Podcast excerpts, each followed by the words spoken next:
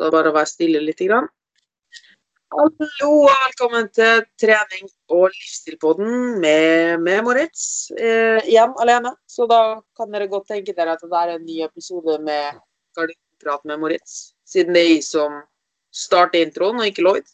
Eh, men det er kanskje litt feil å si at de er helt alene, for de har med en veldig morsom gjest i dag. Eh, det kan bli en veldig spennende episode, tror jeg. Eh, vil du si hvem du er? Ja, eh, jeg heter Hanna Midtundstad. Jeg er 20 år, bor i Lillehammer på femte året. Flytta hit da jeg var eh, Eller snart fem år blir det jo. Flytta hit da jeg var 15 for å begynne på NTG, der jo vi ble kjent. Uh, satsa skihopping og kombinert siden jeg var veldig liten. Nå siste året har det blitt mer og mer kombinert. Så jeg satser det og, mens jeg bor her i Lillehammer og studerer ingeniør i fornybar energi på NTNU i Gjøvik. Kort fortalt. Ja, det var litt av et driv, skulle jeg si. ja, det er innholdsrikt og interessant, syns jeg sjøl. Ja, jeg husker, husker, jo veldig godt at vi var jo veldig liksinte med arbeidsmoral og sånne ting. Vi har jo alltid vært veldig ivrige på ting, begge to. Eh, men du tok det nok kanskje enda steget videre, tenker jeg. Eh, ja, vi hadde jo gode samarbeid på NTG, vi, med eh, interesse for eh, realfag og også gjøre skolearbeid grundig generelt. Og jeg er nesten litt overraska over at du ikke også um, fortsatte med realfag, men det er veldig spennende å se hvordan veien din har blitt videre også. Ja, si det. Jeg møtte nok vegger på et annet sted. Jeg hadde jo begynt bacheloren min i Trondheim, så Ja. Uh, nei, jeg vet ikke helt, altså. Det, time will show, men jeg har nok tenkt å studere en eller annen gang. Mm. Det er veldig spennende det du driver med nå, da.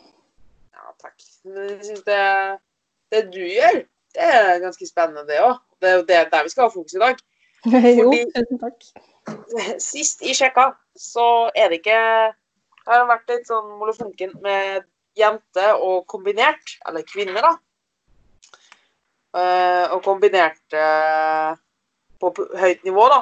Altså det vil si, det har vel ikke vært ED hadde blitt Jeg vet ikke hvordan det var, men jeg vet, husker på NTG så var det fortsatt slik at det var ikke særlig med internasjonale kombinertkonkurranser for kvinner.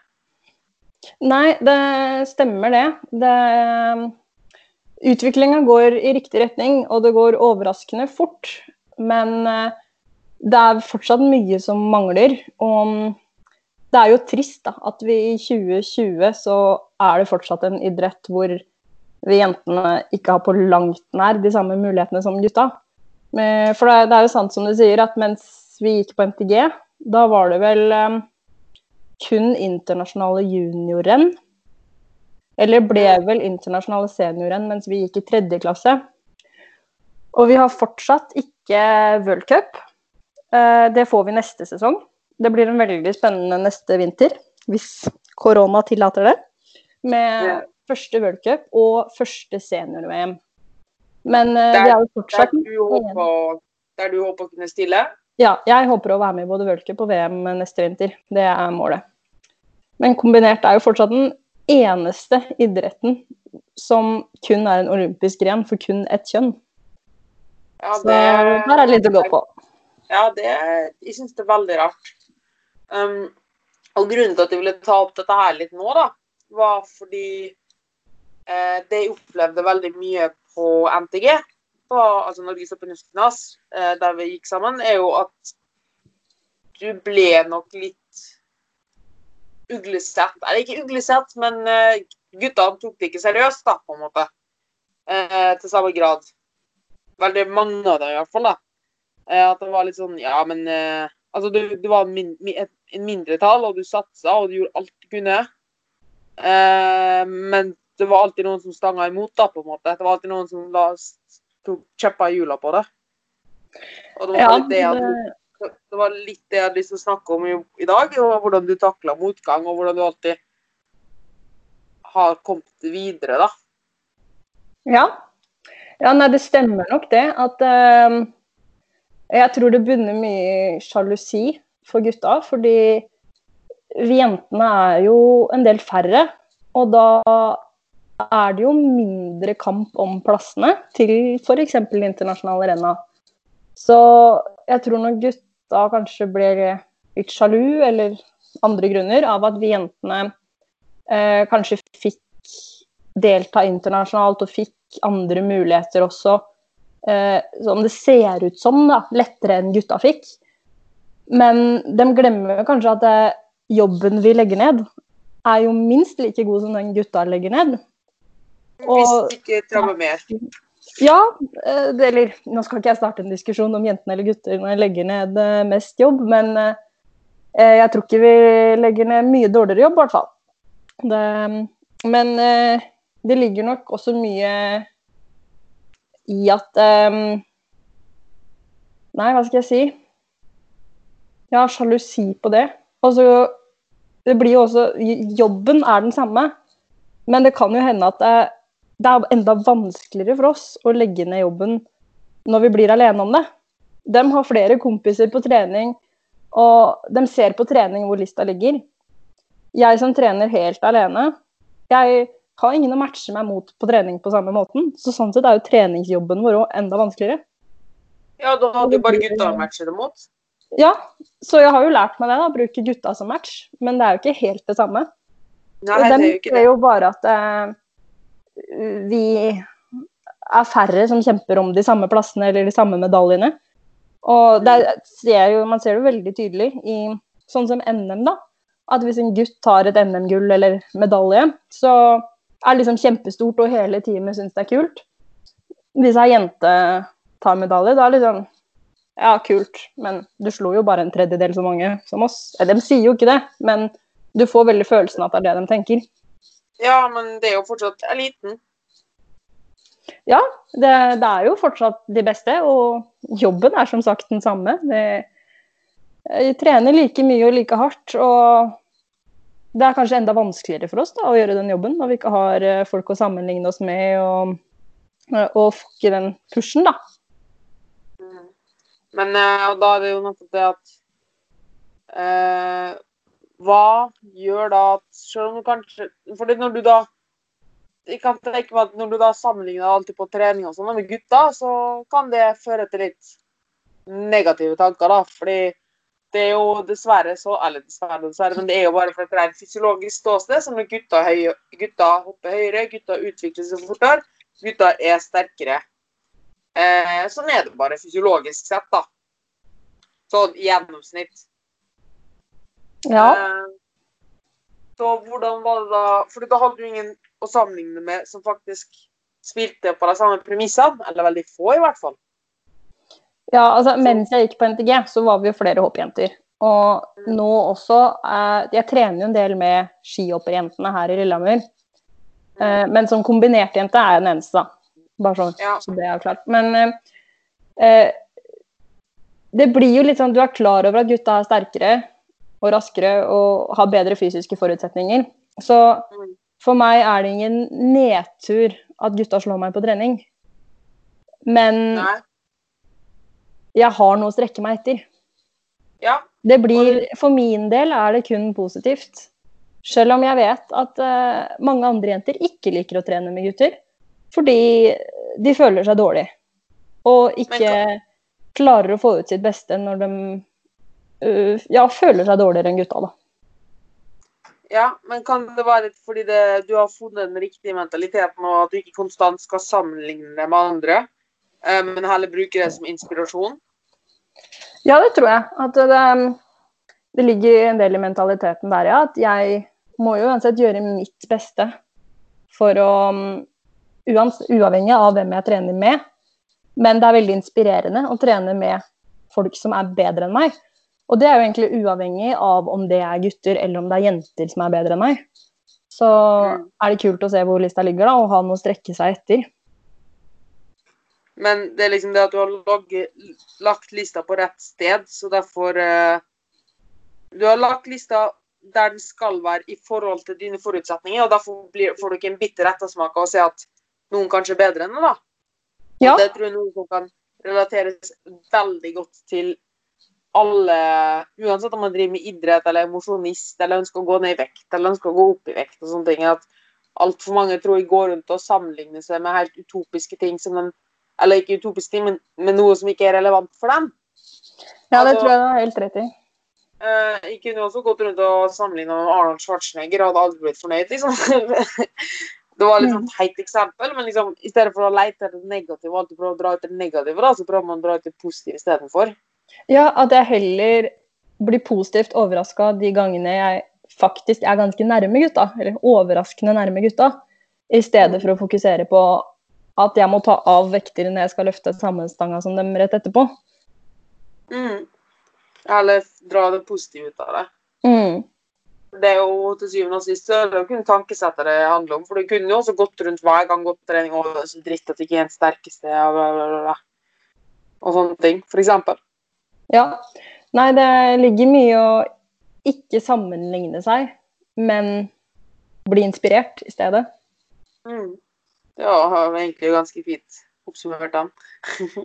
Kort oppsummert. Mm. Jeg husker jo det samme når jeg med, Du husker Eivind? Ja. Eh, han var jo helt sjuk. Mm. Altså, han har jo en sånn der irriterende altså, han, vi- For dem som hører på, Eivind var han jeg bodde med på NTG eh, i tre år.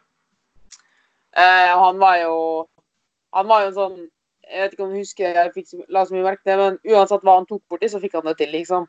Ja, det stemmer det. Eh, sånn irriterende god på alt, liksom.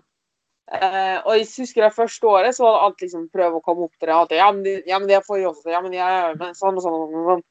Og så etter hvert, så i stedet for å alltid prøve å sammenligne seg og prøve å liksom komme på samme nivå, da, så var det bare det å akseptere at han var på et helt annet nivå, heller dra inspirasjon av det og bare støtte opp og se hvor kult det faktisk var, da. Mm. For det er inspirerende med sånne mennesker. Eh, det er jo generelt for utøvere og sånn. Altså, hvis de ser sånn nå, for eksempel, da, så trener en god del utøvere, eller noen utøvere, noen som er ganske sterke, da. Eh, og da er det sånn Mange av dem er mye sterkere enn det jeg er, eksempel. Eller får til mye mer enn det jeg gjør. Eh, og det er det å liksom dra gleden ut av det å se hva andre får til, istedenfor å prøve, liksom, prøve å sammenligne seg med og si at det er negativt og dårlig, da. Mm. Og der merker jeg også litt på gutta, da, at eh, de gangene jeg faktisk klarer å matche dem litt på trening, uansett om det er med vektstanga eller om det er et intervalldrag, og eh, jeg henger på dem eller løfter like tungt, det, det liker de ikke. De, Nei, men- de forventer å være bedre enn jenta. Og det er ikke noe kult å bli slått av den eneste jenta. Eller ei jente, for den saks skyld.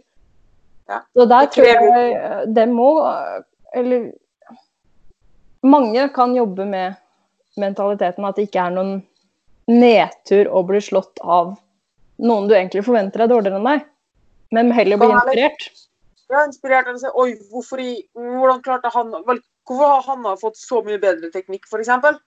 Uh, at hun får det til Altså, at hun får til det like bra som det jeg gjorde. Hvorfor, hvordan har hun økt nå? Hvorfor klarte hun å øke såpass mye kontra det jeg klarte? Uh, hvorfor klarte hun å yte bedre enn det jeg gjorde? Uh, ikke på en negativ måte. Tenk altså, som du sier, å dra ut inspirasjon. Og, ja, kanskje hvis jeg prøver sånn, eller i stedet for å være sur eller sjalu, så spør hva var det du gjorde, hvordan klarte du det? Mm, det er nok en mentalitet jeg òg har måttet jobbe en del med. Sånn, hvis du tenker i konkurransesituasjonen, da, kanskje spesielt i hoppbakken, eh, som er en veldig teknisk idrett, hvor ting kan snu både den ene og andre veien veldig fort. For det er veldig små marginer som spiller inn. Så kan det være noen jeg alltid har vært bedre enn, og så plutselig kommer de og slår meg. Det er jo ikke noe jeg liker.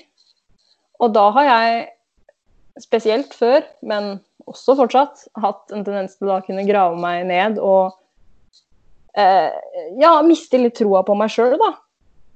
Men man må jo heller bruke det som en inspirasjon og se og lære. Hvordan har den personen klart å ta så store steg?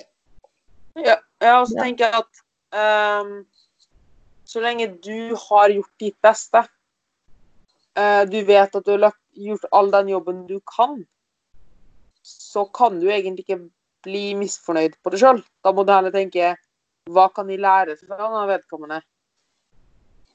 Som tydeligvis har gjort noe, gjort noe enda bedre, da. Mm. Se og lære. Mm. Unne og beundre, som en eh, tidligere trener av meg sier. Ja, det var, egentlig- ja, det var fint. Og jeg tror at veldig mange eh, ved at de liksom blir så sjalu og tenker at dette er er dritt, eller liksom bli misunnelig. da. At misunnelsen på en måte dekker litt over det man kunne lært, da. Lært Mm. man kunne få. Det tror jeg gjelder for veldig mange, både i toppidrett, men også på skole og mosjonsnivå, jobb, det meste. Ja, herregud. Vi må bare ta en sveiptur over, dam, over eh, Stillehavet, skulle jeg si. Er det Stillehavet, det? Er Atlanteren. Eh, er det Stillehavet. Nei. Nei, ikke spør. Nei, jeg vil ikke vite. Vi vil til- En titt til Vesten, da. ja. Jo, det er jo tidenes ego. Mm. Det, det er sjuke greier eh, som skjer der. Så det, så vi er ikke en politikkpodkast, så det er ikke det vi skal inn på. Heldigvis. Eh, eh, men sånn akkurat nå, da. Du har jo ganske mye på agendaen. Så hvordan ser en vanlig dag for Hanna ut akkurat nå? Eh, en vanlig dag varierer egentlig veldig fra dag til dag. Akkurat nå er det jo litt spesielt med korona, og også at det begynner å bli eksamenstid, da. Men Ja. sånn generelt så består jo en hverdag av eh, skole og trening. Eller egentlig motsatt rekkefølge. Trening og skole. Gjerne to økter om dagen. Mm. Eh, jeg er så heldig at eh, skolen kan jeg gjøre hjemmefra. Men jeg liker å dra til Gjøvik for å møte folk, så jeg prøver å dra dit én gang i uka. Mm. Men ellers så går det i første økt, kanskje i hoppbakken, kanskje i Håkonshall, eller oppå Birken på ski. Og så hjem og slappe av med lunsj, powernap og litt skole, før det er en ny kveldsøkt med basisteknikk, kanskje en rolig skitur, Så gjerne en middag med noen venner. Ja, det, det jeg og du ser på som drømmelivet, og sannsynligvis hverdagsfolk ser på som helt forferdelig. Ja. Så det går mye trening og skole. Ja. Det er sånn jeg liker det. Ja. Men sånn uh, får, du, får du støtte fra staten, eller har du stipend, eller? Eh, Jeg får jo stipend for å studere, ja. Ja. Så Men er det- får du noe ekstra toppidrettsstøtte? Nei.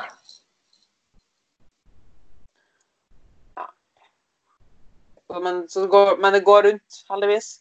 Ja, det, det gjør det. Jeg har noen snille sponsorer og sånn, men eh, det er ikke noe luksusliv. Det, det er det ikke. Det jo dessverre sånn i heil, eller generelt i hoppidretten, det er jo litt som klatreidretten, at den er veldig liten da, fortsatt. Mm. Eh, da kan man nok iblant Eller det er jo ikke urettferdig på en måte, men man gjør jo samme jobben og som du snakka om i sted, da.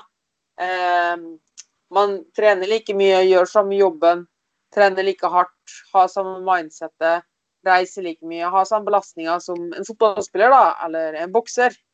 Eh, eller en langrennsløper.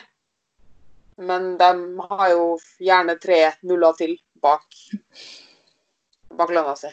Ja, det er jo kanskje Det er jo dessverre sånn at ja, populariteten uh, styrer sponsormarkedet. Men uh, sånn er det. Vi må bare jobbe med å bygge opp et produkt uh, rundt oss sjøl. Mm. Det er det som er jobben vår. og så det å være fornøyd med det man har, da. Ja. Ja, ja. Ja. Akkurat nå så høres det ut som du lever drømmelivet for din del. ja. Det er litt travelt med skole akkurat nå i eksamenstida, men eh, det er sånn det blir. Det, jeg trives jo med å være student ved siden av. For, det, for meg eh, føler jeg at jeg restituerer bedre, eller klarer å koble av bedre, da, når jeg har noe fornuftig å drive med.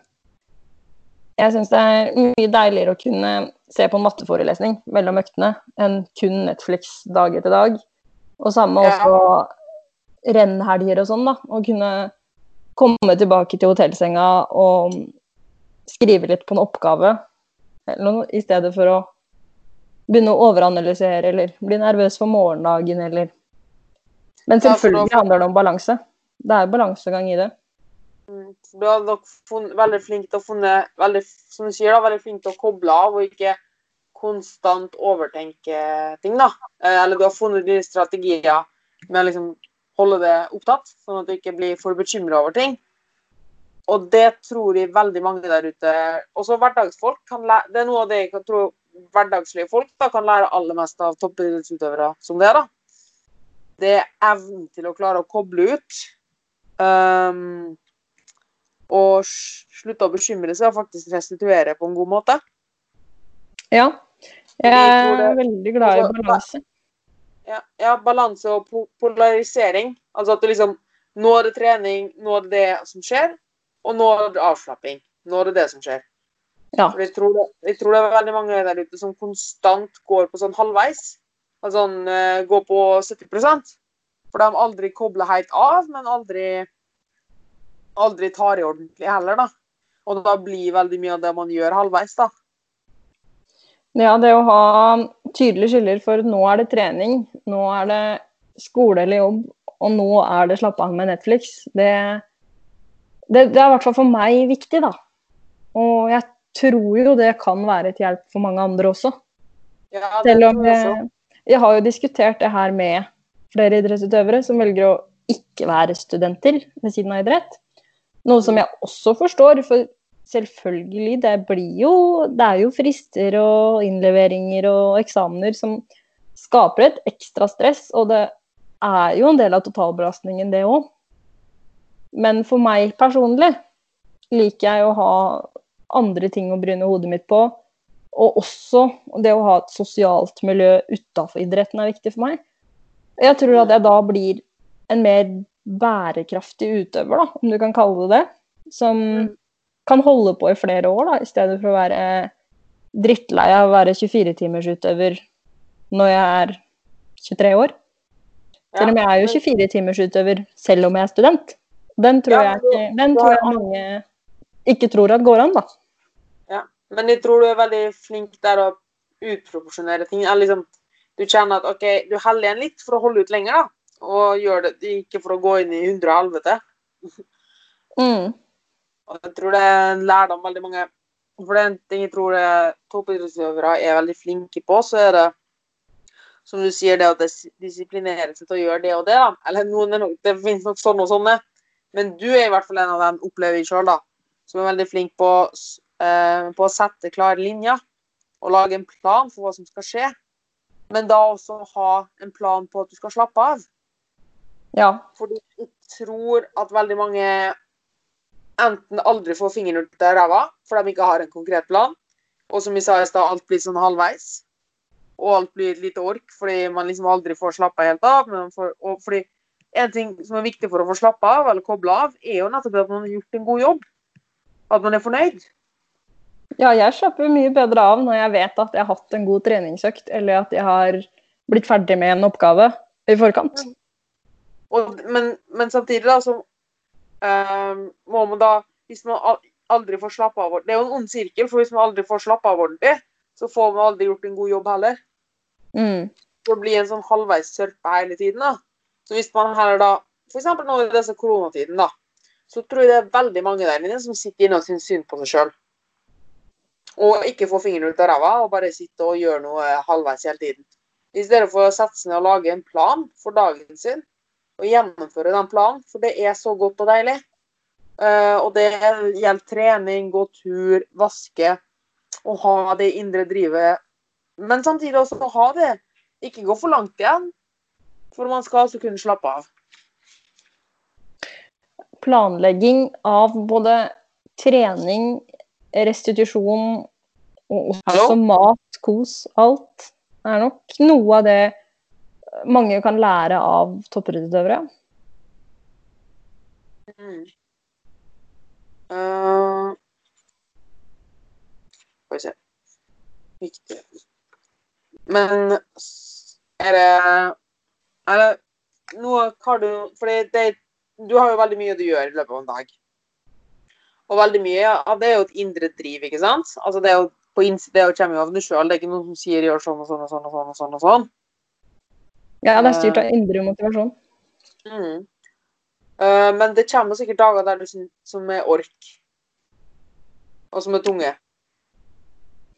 Hva Ja. er det som at du står opp hver dag, går på trening hver dag, studerer og fortsetter?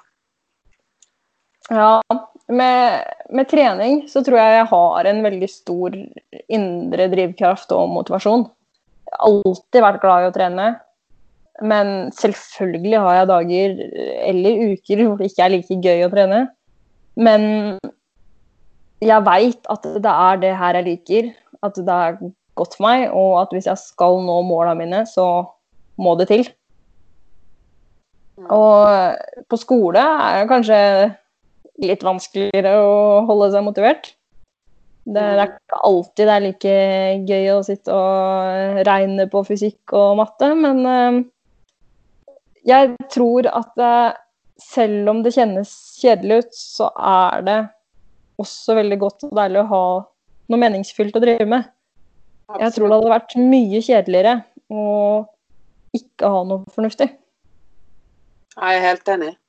Det er jo det, jeg tror det aller viktigste vi snakker om nå, er jo det indre drivet, og hvor du har satt lista for deg sjøl, da. Um, jeg tror det er veldig mange som bare latt det gå, da, hvis du skjønner hva jeg mener. Mm. Ikke har evnen til det der eh, å sparke seg sjøl bak.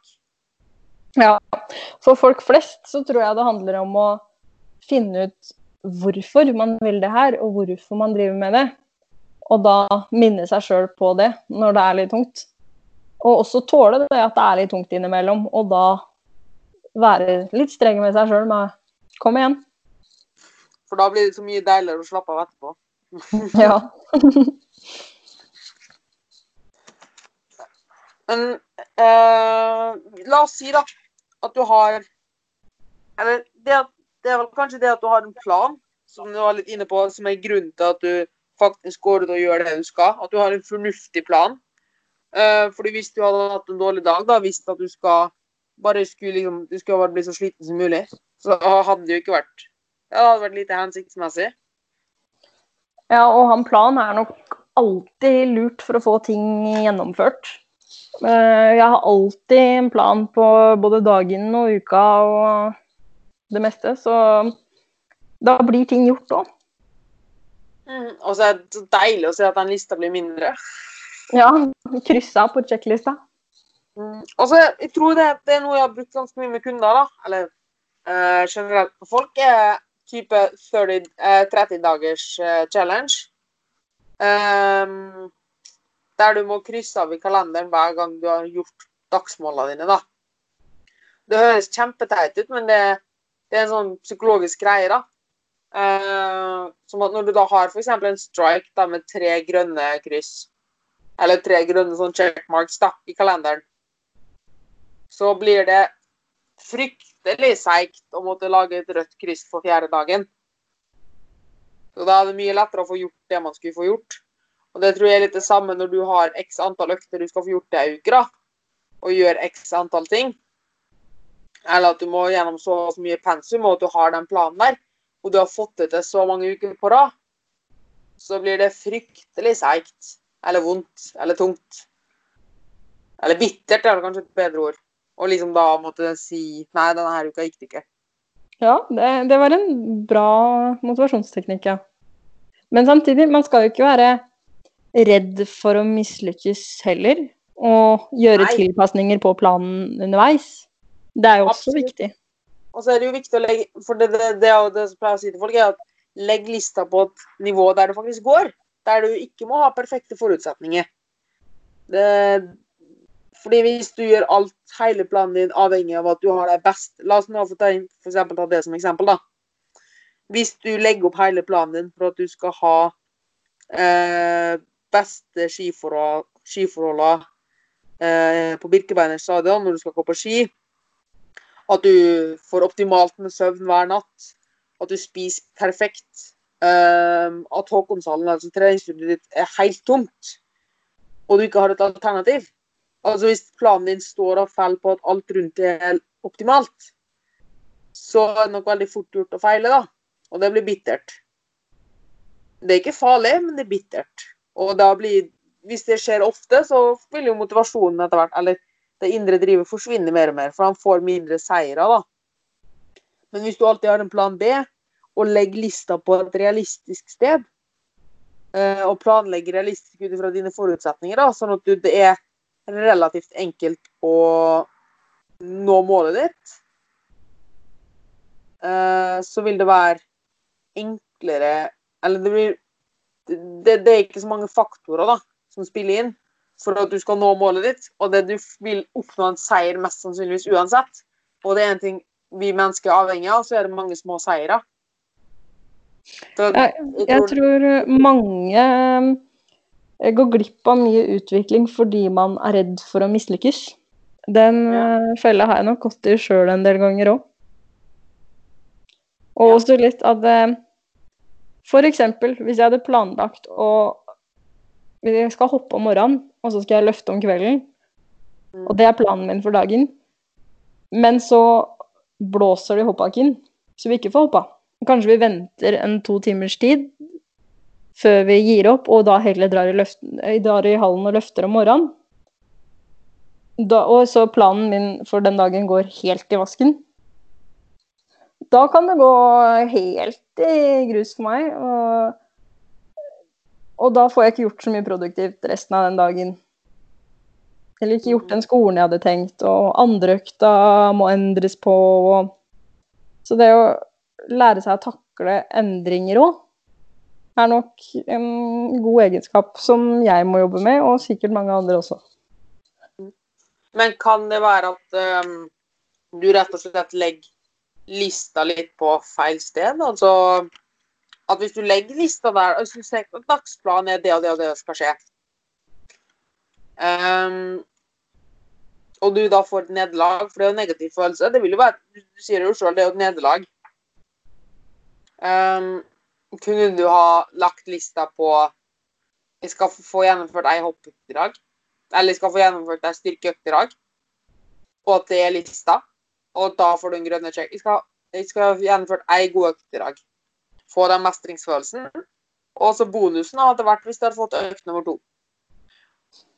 Ja, der er det kanskje litt At du kanskje bare legger lista litt lavere for å nettopp dope seg sjøl med den mestringsfølelsen litt. Da. Så jeg tror vi er litt inne på det samme. Eh, ja. Bare ha litt annen tilnærming til det. Der er det kanskje litt forskjell på mer mosjonsnivå og toppidrett òg. At mm. på toppidrett er du mer avhengig av å få gjennom de to øktene.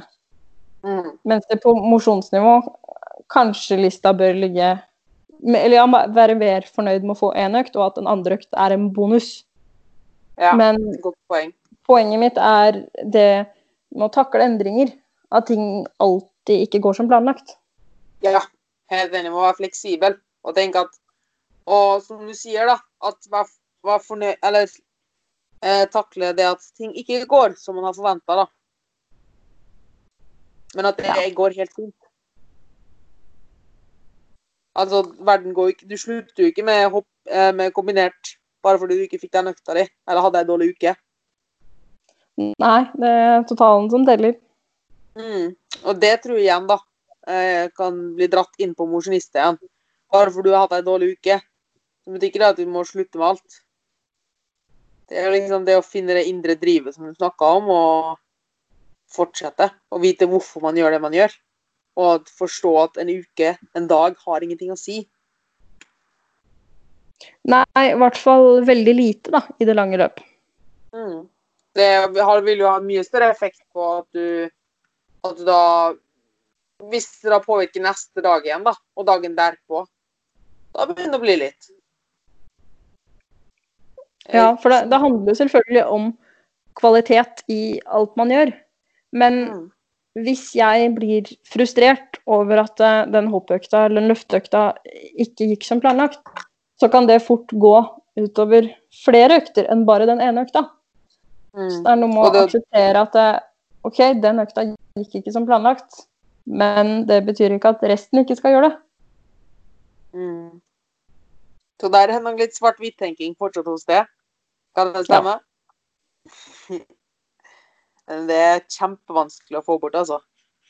Eh, tror det er nærmest umulig. Men så lenge man har det målet i øyet, eh, og vet hvorfor man gjør det man gjør, så tror jeg at man kommer så fortere inn igjen på on, on track. Jeg synes den, Det er sånn litt sånn klisjéaktig kvote, da. Men eh, Mohammed Ali hadde en ganske fin kvote. Og det var at han tenkte alltid kun på neste slag. Han tenkte, og når han hadde slått et slag, så tenkte han ikke over slaget før. For hvis du konstant går og tenker på at du feiler slaget før, og du skal ta neste slag, så er sannsynligheten for at du bommer på neste slag igjen større. Og terskelen for å feile blir større og større og større for desto mer slag du feiler, eller for desto mer slag du får til. For hvis du har en strike på 50 gode slag, så vil, så vil du liksom få mye mer, mye mer press, da, hvis du skjønner. Så han tok alltid bare ett slag, og han tenkte at dette er slaget som blir perfekt. Dette er slaget som blir perfekt. Og så glemte han alle slagene før. Det er litt den mentaliteten jeg prøver å ha i hoppbakken nå. At det, det forrige hoppet er hoppa, uansett om det gikk bra eller dårlig. Det, nå er fokus på neste hoppet og hvordan jeg skal få det best mulig. Mm. Og det vil jeg nok igjen Og tenk da hvis du skulle hver gang du hadde et dårlig hopp, at da skulle du bare tenke på det dårlige hoppet. Altså, jeg vet jo det er vanskelig, det ville, men eh, du klarer jo å koble av og tenke på neste hopp igjen, da. Og ikke tenke på det hoppet før. Eventuelt tar du, drar du ut noe lærdom fra det hoppet. Men det, Ja, det- har jo skjedd. Det er en mentalitet jeg virkelig har måttet jobbe med. For det, det er veldig fort gjort å grave seg ned over at det hoppet ikke gikk bra. Men det er mer det med å fokusere på neste hopp igjen, da, så fort som mulig. Og du får ikke gjort det hoppet om igjen. Det er hoppa. Men, men har du tenkt Har du brukt noen ak aktive strategier for å Du sa du måtte jobbe mye med det. Er det noe aktivt du har gjort? Eh, noen strategier du har brukt? Nei Jeg har prøvd å søke kunnskap da, av folk rundt meg. Jeg har alltid vært en veldig nysgjerrig person som er glad i å stille spørsmål. Så jeg liker jo å spørre de rundt meg om Ja. hva dems eh, tips og triks og innstillinger er. Ja. Og lære litt Men- av det. Kunne du brukt den eh, mentaliteten For du er jo veldig nysgjerrig, du har alltid lyst til å lære. Kunne du brukt den mentaliteten på hoppene dine? At i Ja. stedet for å tenke at nå hoppa jeg feil, eller nå hoppa jeg dårlig, det var dårlig av meg, så tenker du over OK, hva kan jeg gjøre bedre på neste hopp? Hva var det som var feil nå? Eller ikke hva var det som var feil nå, men hva kan jeg gjøre bedre på neste gang? Hvor, hvor hva kan jeg lære av dette her? Ja, absolutt. Hva, hva var foreliggende, hva var årsaken til at dette her skjedde? Men det er jo litt sånn i hoppbakken at når man kommer til en hoppøkt, så har du stålkontroll på hva du skal gjøre i dag, hva som er fokus. Så når et hopp går dårlig, det du, Det burde være unødvendig å overanalysere hva som skal forbedres, for den planen har du allerede. Ja, men kanskje Ja, men eller gå tilbake i hvert fall. Og se på hva som var grunnen til at planen ikke gikk som den gikk, da. Ja, der er, eh, er det viktig å evaluere. for det, der, det er noe jeg bruker veldig mye hos eh, kundene mine. Hvis jeg f.eks. går på en smell på kostholdet, da. Og i stedet for å tenke at nå har jeg gjort en feil, eh, og angre, eller at man gjorde noe dårlig, eller noe sånt, eller se på at man har mislika på en eller annen måte, så går man heller tilbake og ser hm, spennende. Hva var grunnen til at dette skjedde? At man tenker på at det var ikke feil først. Det var ikke det at man feila, eller noe som helst. Det var mer det at man vil Hva var grunnen til at dette skjedde? Hvorfor skjedde dette her? At man prøver å vri den der fra Å, du er så dårlig at det skjedde. Å, sånn. Det skjedde Det er kun min feil, eller det var sånn og sånn, og det var derfor det skjedde, og det er elendig og sånne ting. Så tenker man spennende. Hva var grunnen til at her skjedde? Det å bruke alt til å lære av, og det å ha en nysgjerrig innstilling til alt, er nok eh, ganske viktig. Jeg tror kanskje 'hvorfor' er et av mine favorittord, uansett uh, sammenheng. Det er ganske ja. ofte brukt. Ja, det husker jeg godt fra NTG. ja, hvorfor det? Det bare er sånn.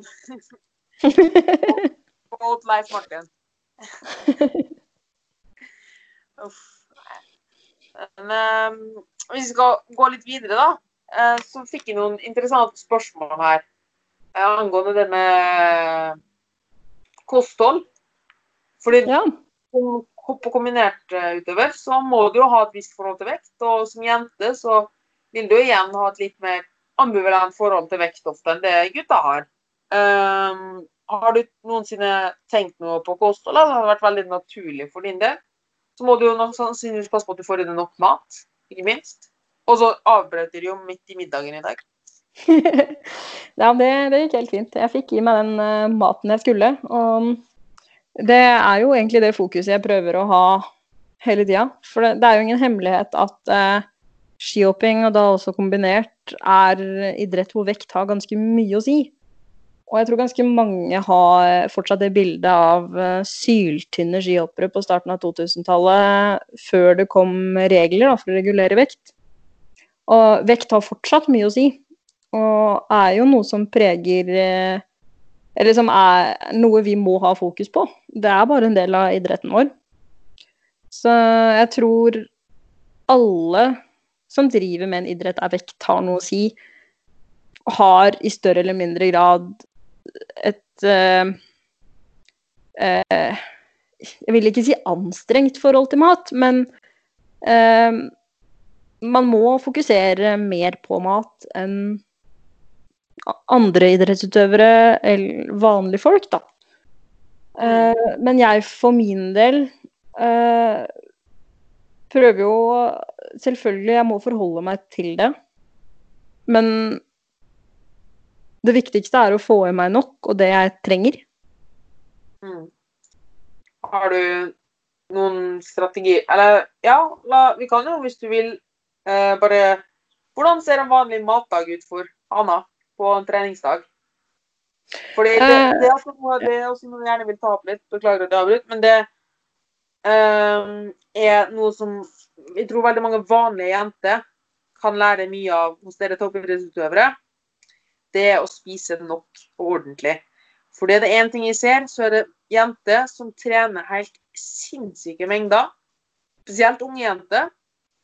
Trener ekstremt mye og spise latterlig lite. Ja. Uh, og de går kanskje ikke ned i vekt. Um, fordi de da en eller annen gang går på en skikkelig smell. da, For kroppen bare skriker etter mat. Og det er en sånn der kulturgreie, føler jeg nesten, at jenter skal spise lite. Ja, det, jeg vil ikke generalisere for mye. Og jente, gutt, jeg tror uansett uh, det kan være en utfordring for mange. Men mm. ja, det er kanskje et vanligere problem for jenter enn gutter. Ja, det, er en stereotyp, det har blitt en stereotype i samfunnet at jenter ikke skal spise særlig mye, da. Ja. Nei, og jeg har jo en idealvekt i hoppbakken som jeg må forholde meg til. Og, øh, men ja, hovedfokus er som sagt å få i meg det jeg trenger. Men da prøver jeg ikke spise det som er unødvendig i forhold til det jeg trenger. Mm. Så det er jo litt min tankegang når det kommer til kosthold. Da, at er det her noe jeg trenger, eller trenger jeg det ikke? Mm. Jeg har litt eh, jeg ser, Det er to grunner til å spise noe for min del. Det ene er at det er sunt, og jeg trenger det. Eller så er det fordi det er godt, og jeg trenger å kose meg. Mm. Har du hørt den eh, Jeg vet ikke hvor mye du har fulgt med, sånn, men jeg har begynt med den eh, regelen min eh, 8 eh, du har, Det er bare å se på kroppen sin. Du har 80 med kropp, og så har du 20% med topp. Ja. Så 80 av det du spiser, bør være for kroppen, og 20% bør være for toppen. Mm. Så ja, Ja, nei, det er en fin en, den. Jeg prøver å spise Det er sunt og variert. Masse grønnsaker og, og frukt. Og gode proteinkilder. og sånn, men ellers er jeg ikke redd for å kose meg heller. Og det tror jeg ikke folk ellers skal være heller. Nei, men jeg tror mye av grunnen der da, ligger nettopp for det du sa først. At du dekker behovene dine gjennom ordentlig mat. Ja. Så da er det ganske lite du, Det er ikke noe sånn at du, du har ikke behovet for en sånn enorm, enorm utskeielse, da. Fordi du, du dekker behovene dine ellers. Kroppen er liksom ikke konstant liksom En gang de får muligheten til noe litt mer energirikt, at de bare hopper på det. Men de bare tenker 'Å, det var godt', men nå er jeg fornøyd. Det, det ligger nok kanskje i at det er, det er en interesse hos meg eh, med sunn mat, og at eh, for at kroppen min skal fungere, så hjelper det ikke at jeg bare trener, om jeg gir kroppen min dritt. Ja. Kroppen min trenger det den trenger for å kunne prestere på trening og ha utvikling. Og det gjør det jo lettere å spise sunt. Ja. Og Det det, var- Ja, Det- det, det er nok noe mange kan ta med seg, med at det, man vil jo gi kroppen sin det den trenger. Ja, det var egentlig et veldig godt stikkord der. Det det at eh, Jeg tror du oppsummerte ganske mye av det med kostholdsgreia her nå, da. Med det at alt er lov å spise. Så det er liksom ikke nei, jeg får ikke lov å spise sjokolade eller noe sånt. Men er det det kroppen min trenger? Og hvis man da klarer å si nei, nei takk, eh, jeg har ikke lyst på dette her, eller dette er ikke riktig drivstoff for kroppen min, eh, kontra det å si nei, jeg har ikke lov. Det tror jeg er veldig, veldig viktig. Ja. Og det å liksom tenke på hva er, det, hva er det som er godt for kroppen min? Da er det så mye lettere, som du sier, å spise godt og næringsrikt og sunt. Av og til trenger jo kroppen sjokolade for å kose seg. Men så utfordringa ligger kanskje i å være streng med seg sjøl med at hvor ofte og når trenger du egentlig å kose deg? Hvor mye kos er det som er nødvendig? Mm. Men Men der er det, den 80-20 fin. mm, for jeg tror det behovet dekkes egentlig ganske greit når man har dekket behovene sine ellers, da. Så tror jeg man man eh, For det er en ting jeg har merka, at folk som spiser veldig næringsrikt og sunt, eh, og trener bra, og spiser nok mat, så får de ofte Og de vet at de egentlig kan kose seg, de har muligheten til å kose seg, så er ikke den sjokoladen like fristende. Nei, jeg elsker sjokolade, men uh, Ja, Eh, du elsker del- sjokolade, men du, du fråtser jo ikke sjokolade hver dag. Nei, jeg vet i hvert fall for min del at jeg koser meg mest med kosemat når jeg deler det sammen med andre. Så for min del er ofte kos i sosiale sammenhenger. Så at man finner ut når, når man koser seg best, da. Ja. Med hva? Og Når er det verdt det? vil du helst nyte den sjokoladen alene fredag kveld, eller eh, vil du nyte den på jentekveld, eller Så du, det det å være selektiv med kosen sin. Og da blir Ja. kos som mer kos. Helt riktig. Og det er Men også det å kose seg med vanlig mat. Jeg elsker ja. mat. ja, det Jeg nyter hvert måltid jeg spiser, og der òg ligger det nok mye med å lage mat man sjøl liker, da, og man gleder seg til å spise. At man ikke kun gleder seg til å spise sjokolade, men ja. også Og der- alt annet. Der tror jeg at veldig mange vanlige folk kan skjære seg av et stort kakestykke av den toppidrettsmentaliteten din. Og tenke at hvert måltid er bra for kroppen min. Hvert måltid er et høydepunkt. Ikke gå og fyg. Ikke bare tenk at du skal hive inn på noe.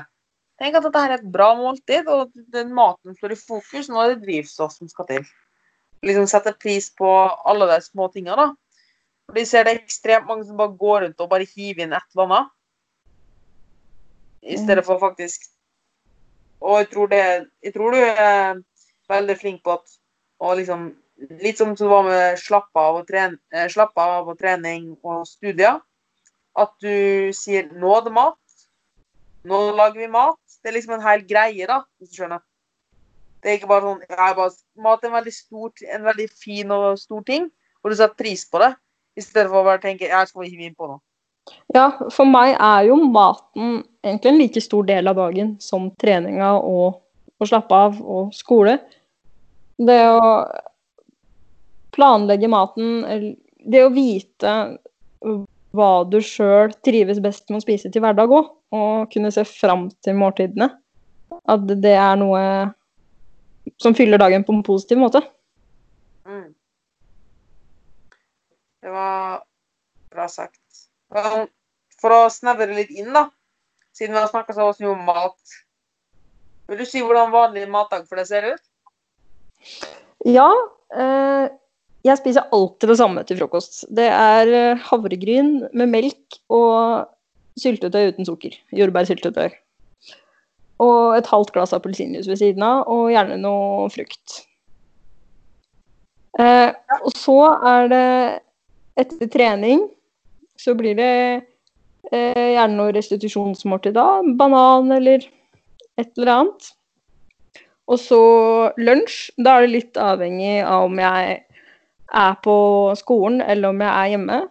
Eh, hvis jeg er hjemme, så steiker jeg meg gjerne en panne med grønnsaker.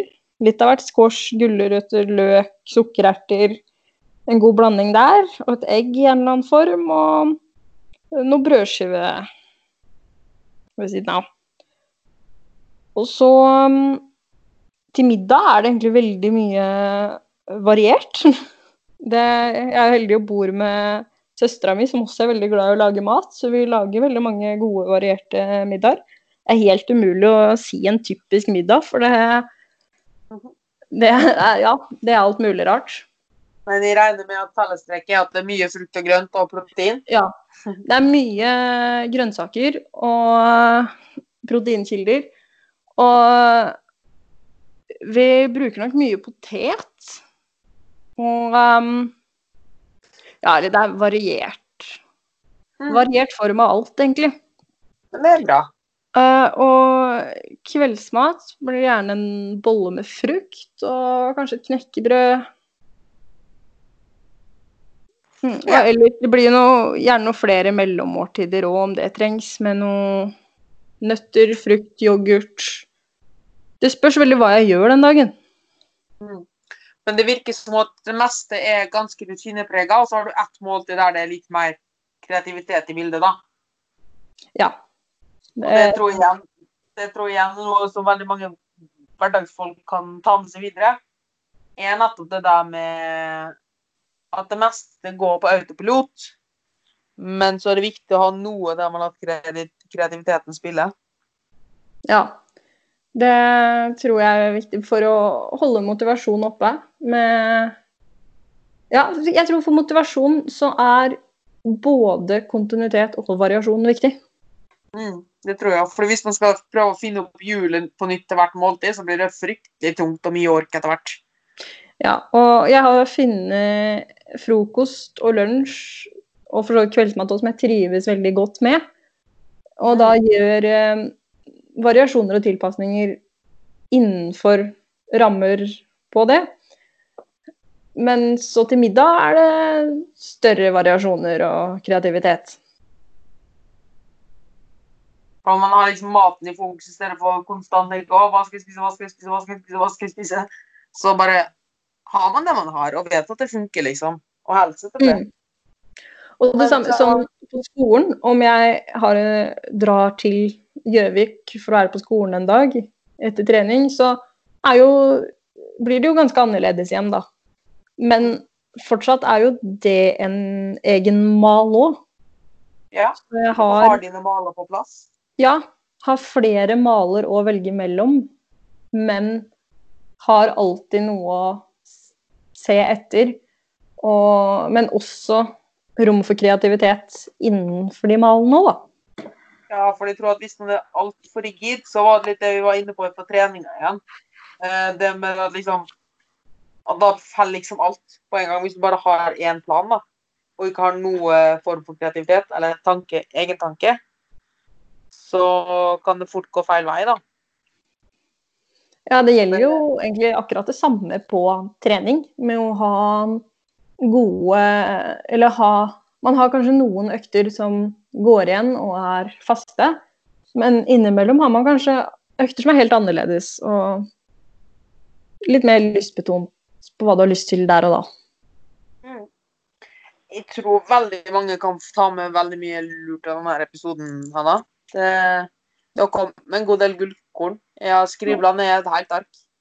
Ja, det, jeg håper det kan eh, komme noe til nytte. Ja. Så helt til slutt så pleier jeg å stille alle gjestene mine et spørsmål. Og det Ja. hvis, hvis du hadde møtt deg sjøl for ti år siden med den kunnskapen du har i dag, hva hadde du sagt til deg sjøl? Oi. Ja, det må jo kanskje ligge litt i tålmodighet og eh, Det å klare å være ja, fornøyd med det man får til. Og den utviklinga man har, da. Ja. Det var bra sagt. Så senk skuldrene, Hanna. Ja. Kjør på. Ja, ja den, eh, det er den der balansen igjen, da. Med å ha balanse i både å jobbe hardt og målretta og på én måte streve etter mer, men også å klare å si seg fornøyd med det man får til, og at ting noen ganger er godt nok. Ja. Det var fine avsluttende ord, syns jeg. Ja, tusen takk. Hvis folk vil følge reisen Hanna, hvor er det de kan finne det? Det er først og fremst på Instagram. Det heter Hanna mitt. Ja, der kommer vi til å lage en link i, i shownota, som det heter så fint. Uh, og så hvis så Følg gjerne Hanna. Det er utrolig spennende å se på. Uh, hun er nok en av Norges sine største håp innen kombinert for kvinner. Og det jeg har fått med av Hanna, er at hun er, har en enorm stå-på-vilje. Og hun har stålkontroll på det meste, men lar seg ikke knekke bare fordi noe ikke funker som hun vil. Og jeg tror at det blir veldig gøy å følge Hanna videre, så det anbefaler jeg alle å gjøre. Um, og hvis du som hørte på likte denne episoden, så ta en screenshot av at du så den, at du lytta på episoden mens du lytter på den, og tagg med Hanna, og del den gjerne videre. Uh, så det gjør at flere folk får hørt historien til Hanna, og forhåpentligvis så øker interessen med dette her for hopp- og kombinertsporten for kvinner. Ja, det, det håper vi. Det er noe som er verdt å følge med på. Det er kult og har en spennende framtid. Mm. Tusen takk for at du ville være med og prate med meg, Hanna. Jo, tusen takk for at jeg fikk være med i podkasten din og prate. Ja, da sier vi ha det bra. Og tudelu. Ha det.